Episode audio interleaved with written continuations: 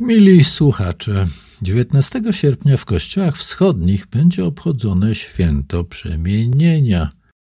Tym, którym ta nazwa niewiele mówi, przypomnę, że chodzi o sytuację, w której trzej uczniowie Jezusa, Piotr, Jan i Jakub, byli świadkami jego przeistoczenia się z człowieka w istotę ponadludzką na wysokiej górze w Judei. Według opisu ewangelisty zajaśniało oblicze Jego, czyli Jezusa, jak słońce, a szaty Jego stały się białe jak światło. Podczas tego samego wydarzenia, utrzymywali dalej ewangeliści, z Jezusem rozmawiali Mojżesz i Eliasz. Ponadto z obłoku, w którym wszystko się rozgrywało, doszedł apostołów głos z nieba. Ten jest syn mój umiłowany, którego sobie upodobałem. Oczywiście niedowiarkowie pośród Was mogą interpretować to wydarzenie bardziej naturalistycznie. Jezus wszedł tam na jakąś górę, a jego uczniowie dojrzeli z dala, że rozmawiał z jakimiś facetami o podejrzanie żydowskim wyglądzie. Jako, że patrzyli na Jezusa pod słońce, jego twarz i szaty zdawały im się bardziej świetliste niż być może były w rzeczywistości. A że wszystko odbywało się w obłoku, po tym jak Piotra i towarzyszy zmógł sen, łatwo było o jakąś pomyłkę. Nie wykluczając zupełnie, że tak to się właśnie odbyło, spróbujmy spojrzeć na to wydarzenie z tak zwanym otwartym umysłem. Dlaczego niby postać Jezusa nie mogła w istocie wydawać się świetlista? W polskich organizacjach psychotronicznych czy radiestezyjnych jest wielu ludzi zdolnych do postrzegania ludzkiej aury.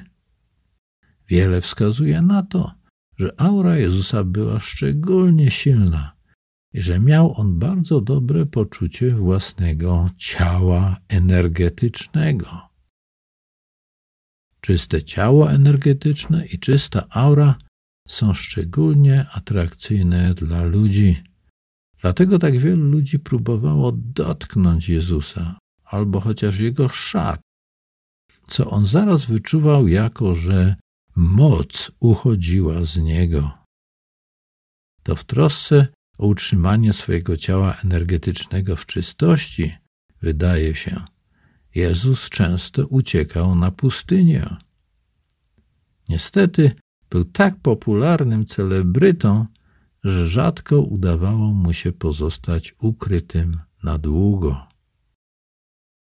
Tak więc, drodzy Państwo, przemienienie Jezusa niekoniecznie musiało być wydarzeniem tak zupełnie nadnaturalnym. Pytanie jest, czy coś z tego wydarzenia wynika dla nas? Naturalnie tak. I my możemy próbować dbać o nasze ciało energetyczne. W tym celu możemy próbować naśladować syna człowieczego, zarówno w jego stylu życia, jak i starając się mieć ten sam umysł, który był w Chrystusie. Jego styl życia charakteryzowała prostota, fizyczna aktywność, bycie w kontakcie z naturalnymi elementami ziemi, wody, powietrza i ognia oraz okresowe wycofanie się od ludzi. Jego umysł zdominowany był przez poczucie synostwa ze Stwórcą, współczucie wobec bliźnich oraz zdrowy rozsądek w podejściu do zasad religijnych. To wszystko nie jest poza naszym zasięgiem. Kilkakrotnie w Ewangeliach Jezus, odnosząc się do swoich uczniów, używał zwrotu Bogami jesteście.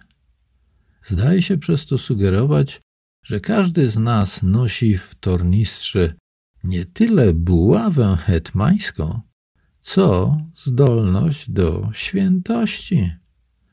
Jest to tylko kwestia otwarcia się na duchowe wymiary naszego własnego życia. Oczywiście wiem, że to nie jest takie proste. My wszyscy musimy dokonywać wysiłków, by utrzymać się na powierzchni rzeczywistości materialnej, zarobić na chleb i tak dalej.